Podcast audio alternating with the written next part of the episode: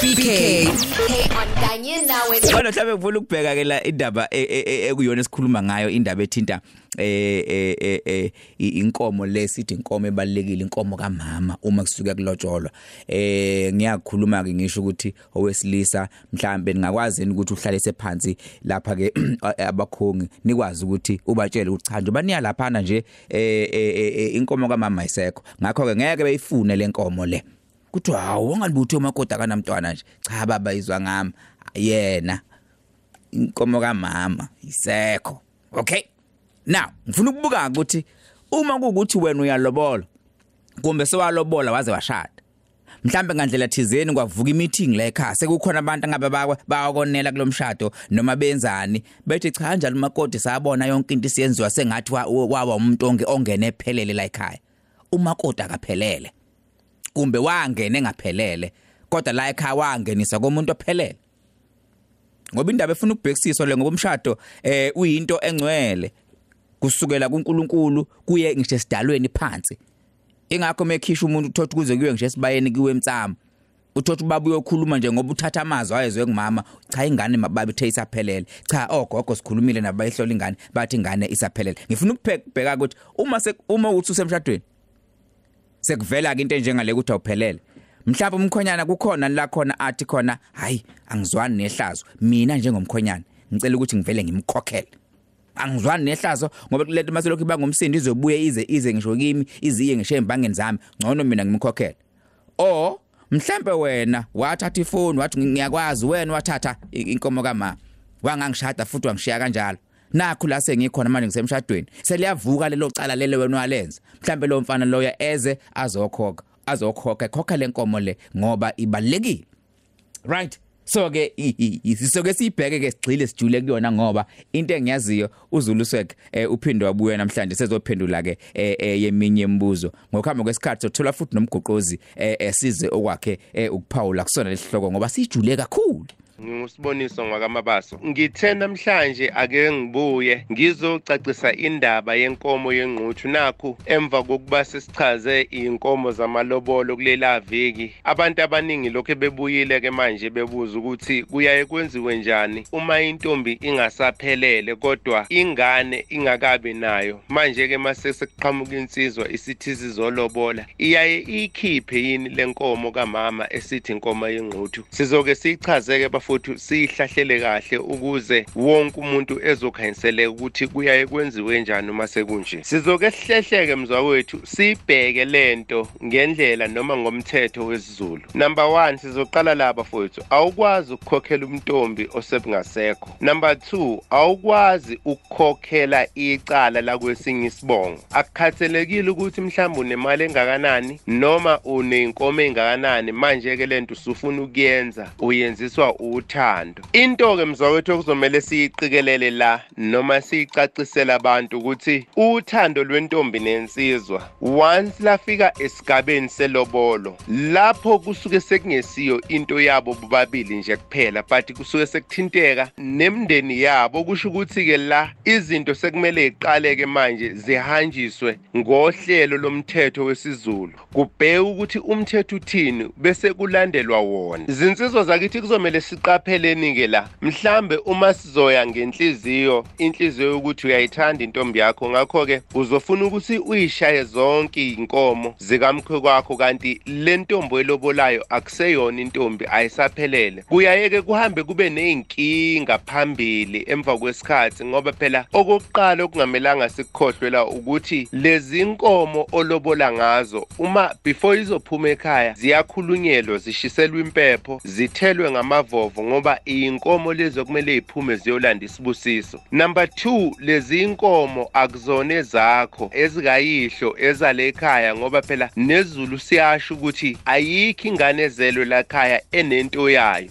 Yingakho phela kwaZulu kudala amadodana ayengayi- ayengayiloboleli wawuthi uma usufuna ukulobola bese uya kuyihlo usho ukuthi usufuna ukuphuma inxiwa bese yena ekukhiphela iy'nkomo zakhe esibayeni sakhe. Ngakho ngakho ke lezo nkomo mele ayikhiphe ngenhliziyo emhlophe nangenhliziyo ezoba isibusiso ukuthi lezi inkomo eziphuma la ekhaya ayiphume zilande isibusiso la ekhaya esizofike siphindaphinde isibusiso sale nkomo eseyiphumela ekhaya. Ukuphuma kwenkomo zelobolo uma ziyolanda umalokazana ziphuma njengesibusiso esifika ngale sisithengele esinye isibusiso esiyofike la ekhaya sizivusele umuzi. Ngakho-ke kumele siqikelele inani lenkomo eliphumayo ukuthi zisilungeleni isibusiso lesi esisuke ziyosilanda ngale ekhweni. Ngoba uma singakwenzi lokho uma ifika ngale zithola ukuthi lezi nkomo ayilandi into efanele noma umuntu ongafanele inani lale nkomo ziyaye zijike zingabi isibusiso but zibe umkhokha noma yibhadi okuyothi ekuhambeni kwesikhathi. Bese lezi inkinga zibonakala seyiqhamuka. Emshadweni walaba babili abasuke belobolana. Abanini balomuzi noma abanini bale nkomo bayaye bengathokozi uma ukuthi kuzophuma inani lenkomo elingafanele lomuntu ozongena la ekhaya lo malokazana osuke ezongena la ekhaya. So kunokuthi bambusise bakujabulele ukungena kwakhe kuyaye kujike-ke manje kube nentukuthelo noma kube nolaka phezu kwakhe lo malokazana ukuthi ungene la ekhaya njengomuntu oyisela.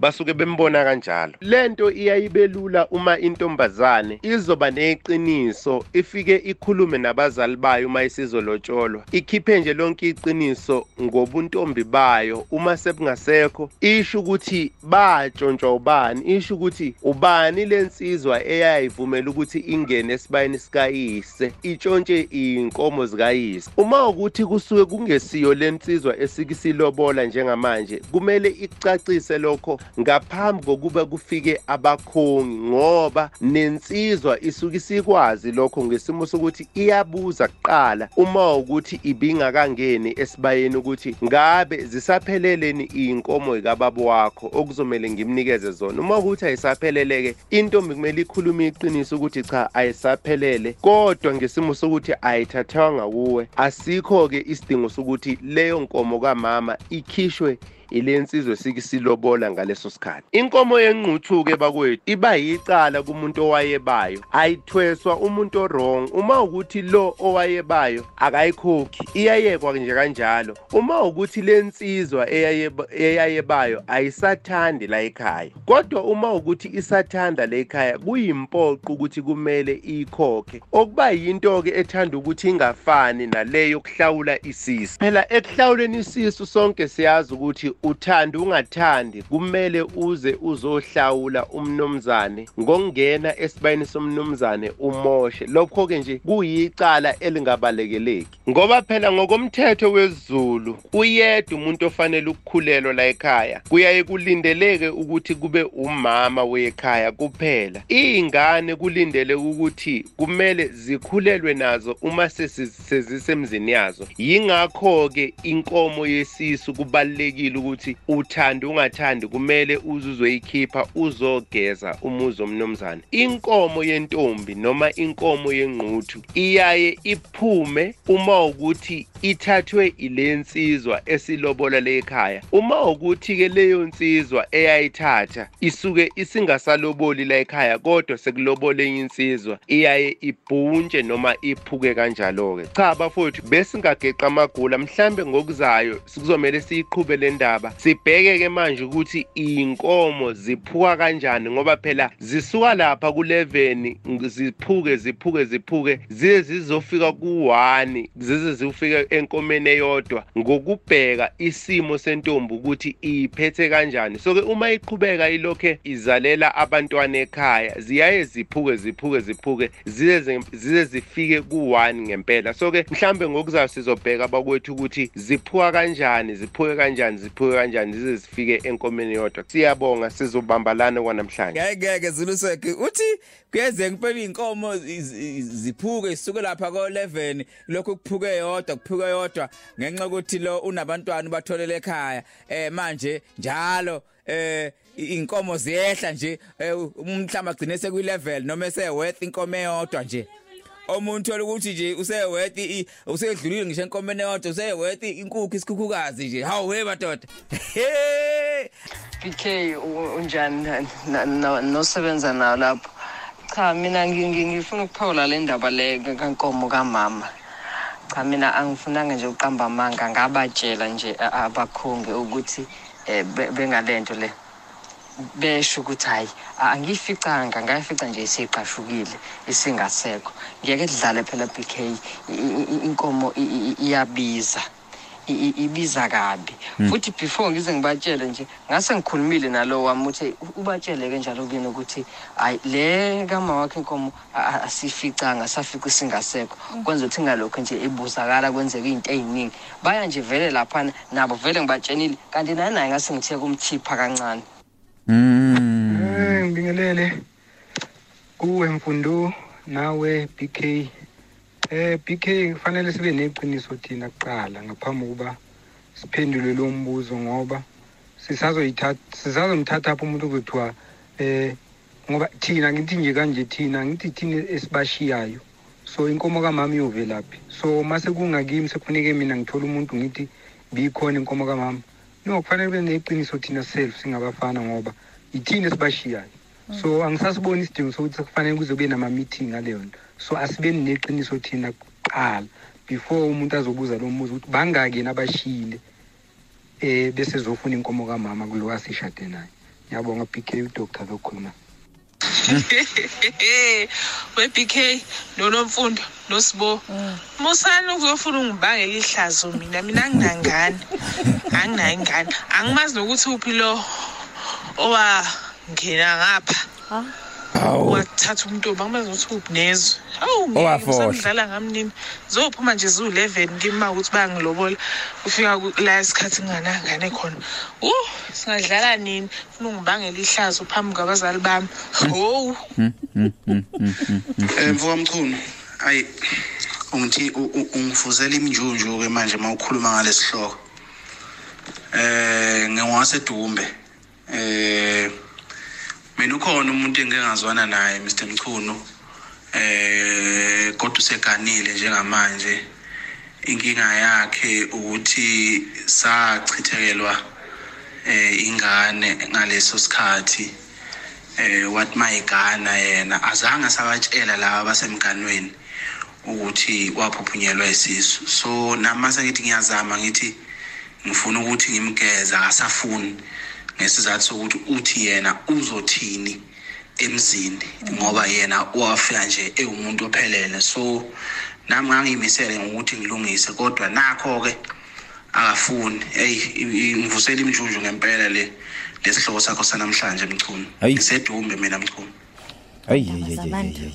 Alright emsakazweni cause iyafama sekunje angazi sibhizi la silalela abantu bayakhuluma baphawula ngesihloko ke sona esikhuluma ngaso eh namhlanje. Sikhuluma ngokulandela lapha ke kwisiko impilo eh okuzuluswe kuhleze khuluma nje ngezinto ezahlukahlukene. Wathi mekhuluma ke ngenkomo zokolobola inkomo eh lapha ke lezi kuthiwa amabheka ukuthi zihamba kanjani eh eh, ngokwegaba zazo ngokwehluka kwazo. Eh eh, eh ngase ke kuvela indaba la ngise studio namethi cha ake sibheke kodwa ukuthi uma usuku yolobola iba khona ingxoxo ethi lo esomlobola cha akaphelele.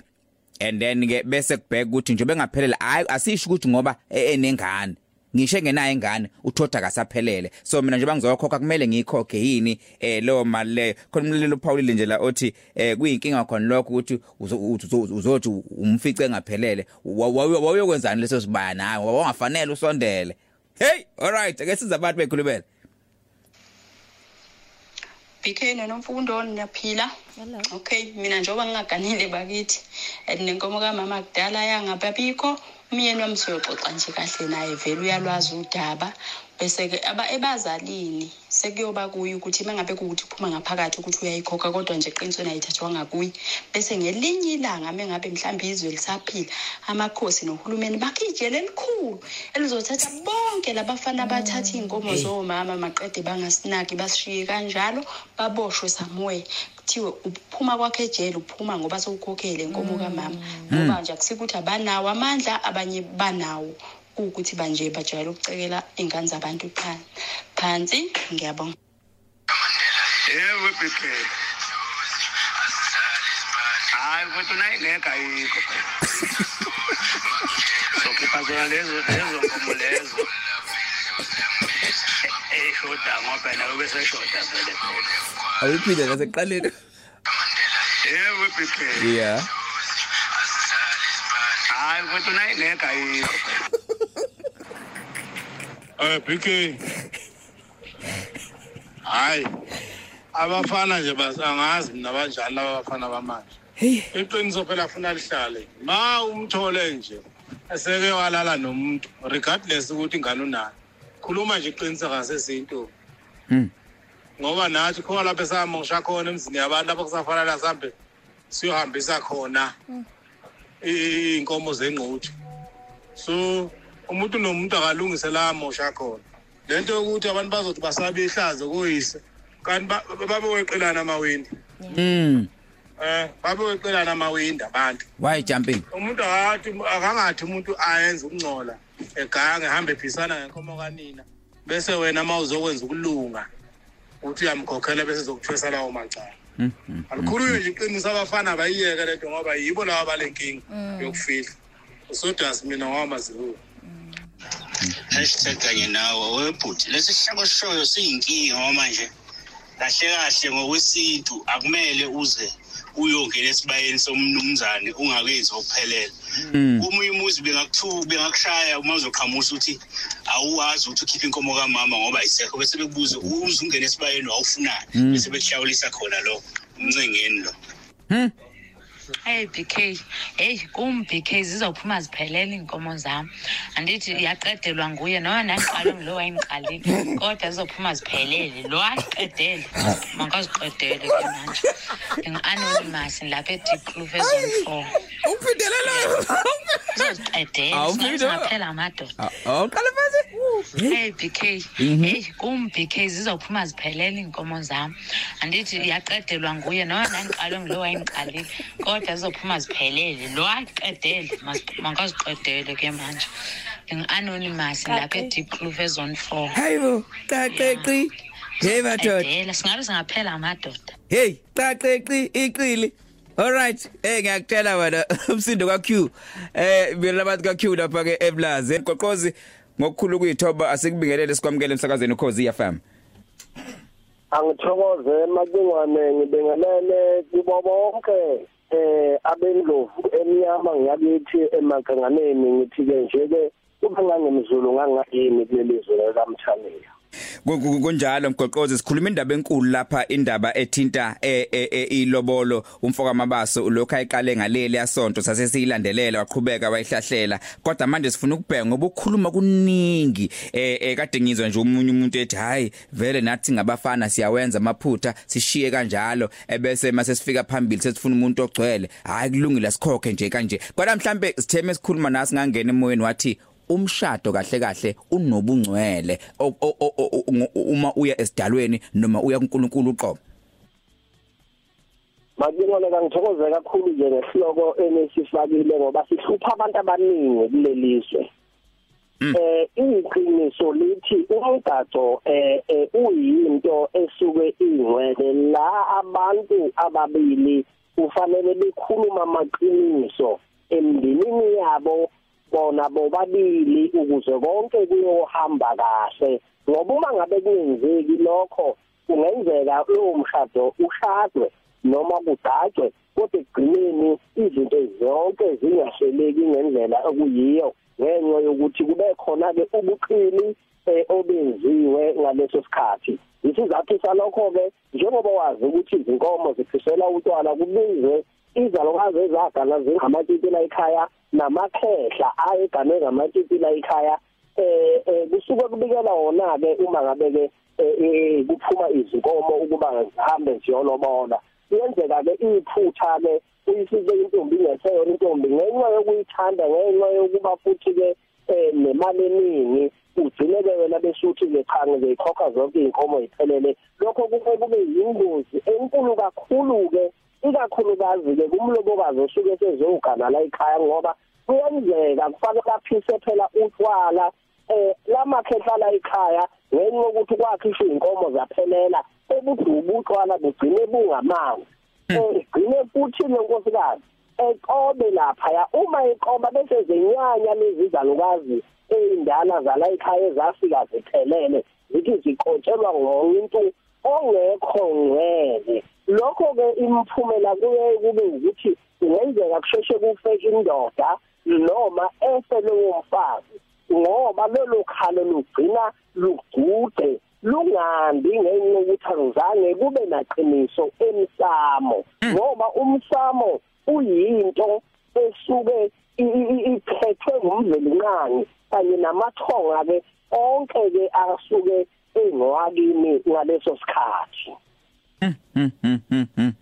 Goqozi indlela echaza ngayo ithanda ukuthi ijule ithuse ngoba eh kade ngilalela abanye abantu mebesho bayasho nje kube kube sengathi intelula eh le esikhuluma ngayo. Kodwa mase ujula uyofika kubantu abangasekho uhamba uzofika uNkulunkulu uqobo lwakhe uveza nje umngcwele bomshado. Lento sifuna ukubheka ukuthi siyezwa kumakoti ukuthi ngashonelwa indoda kumbe yena shone ngoba wangena la ekhaya wangena ngaphansi kwamanga wazomukelisa wazoqobela izalukwazi zona ezangena ngendlela okuyiyona yona. Ngifuna ukubheka ke ukuthi kumuntu wesilisa othi mengincoma athi mina ayivele ngishaya amatshiji mina ngiyaqhofoza ngishiya kanjalo. Yena ke kukhona la ngabambeka khona ngokwempilo ngenxa ukuthi nje ubephila lempilo kuhambe enqofoza izingane zabantu eshiya kanjani hawu mkhulu inkinga enkulu leyo phela ngoba ungaze ekhozwa esaphuma amazinyo kufanele wayelisoka kodwa egcine engaganwa.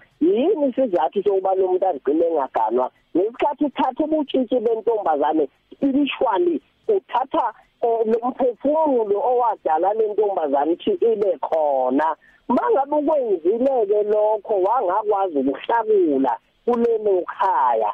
Ugcina lokho kukwembathe bese wena ugcina ubona abathakathi kanti cha la matshitshi akwamthisi yitshitshi la kwamchunu yitshitshi la kwambulambi lelo wona khona wagcina wangakwazi ke ukuhlakula kuyenzeka ke thimini ugcina izinto zakho zingalungi kahle noma ke abantu bethakathi emndinini kodwa ke lokho ngabe vele nawe uyigwaze ngowakho ngenxa yokuthi uthathe le yamphefumulo spiritually eh wayisondeza kuwe wangakwazi ukuyihlambulula. Mqoqozi angazi kodwa mhlawumbe ngicela ukubuza ngibuze lentombazane ekhaya ukuthi uma kuukuthi isuke yona ke iyenze iphutha ke kanjalo eh mhlawumbe ngakwazi ukuthi iye kubazali yokhuluma nabo? Ngisho ngakuthiwa ke isigebengu lesomfana kuyisona esenze lo monakala satholakale ikhona indlela abangenza ngayo benabazali bakhe eh kuyo emtsamo kuyosha kuyoxoliswa? Iqiniso lithi njengoba abantu sebasebenzisa izimbuzi eh ukuxolisa kufanele ke intombazane noma ingazange ihlawule nje ke kufanele uyise ahamba yoconsulta athinta abakuba abadala ukuthi nangu eh eh unikeziwe. Unikeziwe simthola usonakele mina bakwamasango. Kodwa ke manje umuntu omonakelisile kasimbo alembuzi ke siyamxolisele emndenini ukuthi ke izalukwazi zingenyanyi namakhesha angenyanyi ngoba umuntu nomuntu udalwa zidalo ezahlukahlukene. Noma ungayizali izalo kodwa kusuke uzidalo ezahlukahlukene kufanele ureporte eh ukubike lokho emsamo. Uma ungakwenzi lokho lokho kusho ukuthi ke ingane yakhe ngaphindisa ngaphinde imithiswe indoda esibili phinde imithiswe indoda esithathu yamitha nje yangenza umfana ukuyovuma. Thatha imbuzi ukubike lokho yisintu futhi ngeke kuguquke ngoba sikholelwe emvelweni. Ey mgoqozi isikhathi sona esingeke sasivuma ngoba ngifuna sihambe siye sifike eshidini ukuthi lalisebenza kanjani ishidi eh lalisho ukuthini. Mhlambe nje asithole ongathi kubalekile kuwena ongafisa ukusho ukugoqa nje lenkulumo esibe nayo namhlanje. Iqiniso ke lithi ke mfoka mkhulu mangigoqa njengoba kwazeke ekuthini vele umuntu wesifazane kwangafanele alale nendoda engazange agane ngoba umuntu lala nendoda namhla kade kunesigawu sakhe bese kuthi kambaba ke besalale lendoda kodwa uma kakwenzekile wagcina walala lendoda eh lendoda le mayeselalile nayo yagcina yabaleka eh iqiniso lithi abantu ababike ngoba idalwa zinyanya lezi zidinga ukubikelwa ngakho konke okwenzakalayo lekhaya noma uphuma ukuzohamba 5 km batshela abakini umenhla kwesibayo batshethe ngiyaphuma ke mina bekomasango ngicela mani ngilonde. Ngisho usubuye uphinde batshethe sengibuyile njengoba eh bekade nginibikele ayikho into okufanele yenzeke la igcikeni eh ungayibiki. Ubuqili ke bentombazana ingafuna ukukhuluma iqiniso kubazali bayo nobuqili bendoda ngenye egqaqwa uthando eh lokho nje ke kuyinkinga ngoba lowo mshado lowo usuke kungenzeka kufa umfazi noma kufe indoda. Ngenxa yezidalo esuke zinamandla zithukuthele zithukuthelele leso senzo esithile muzi Gogoz mfowethu simngenyawo. Siyabonga kakhulu isikhatsi sakho emsakazweni ukhozi FM lokuthi ngizama usibola ngithi ngifuna ukumbheka ukuthi angaba yikho inkomo kamama emlandelayo yena eh la aqhofoza khona kwadlula eh lokho ebaleke njalo. Cha mfowethu sibonga kakhulu eh sifuna nje ukuthi abantu abafuna ukuxhumana nabo usayikhipha inamba njengoba sowabhizi kangaka nje mfo?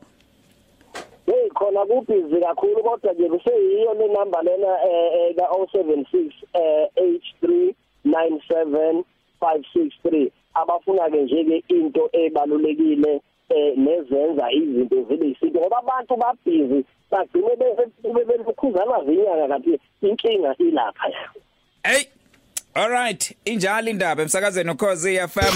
BK kanye nawe 12 to 3.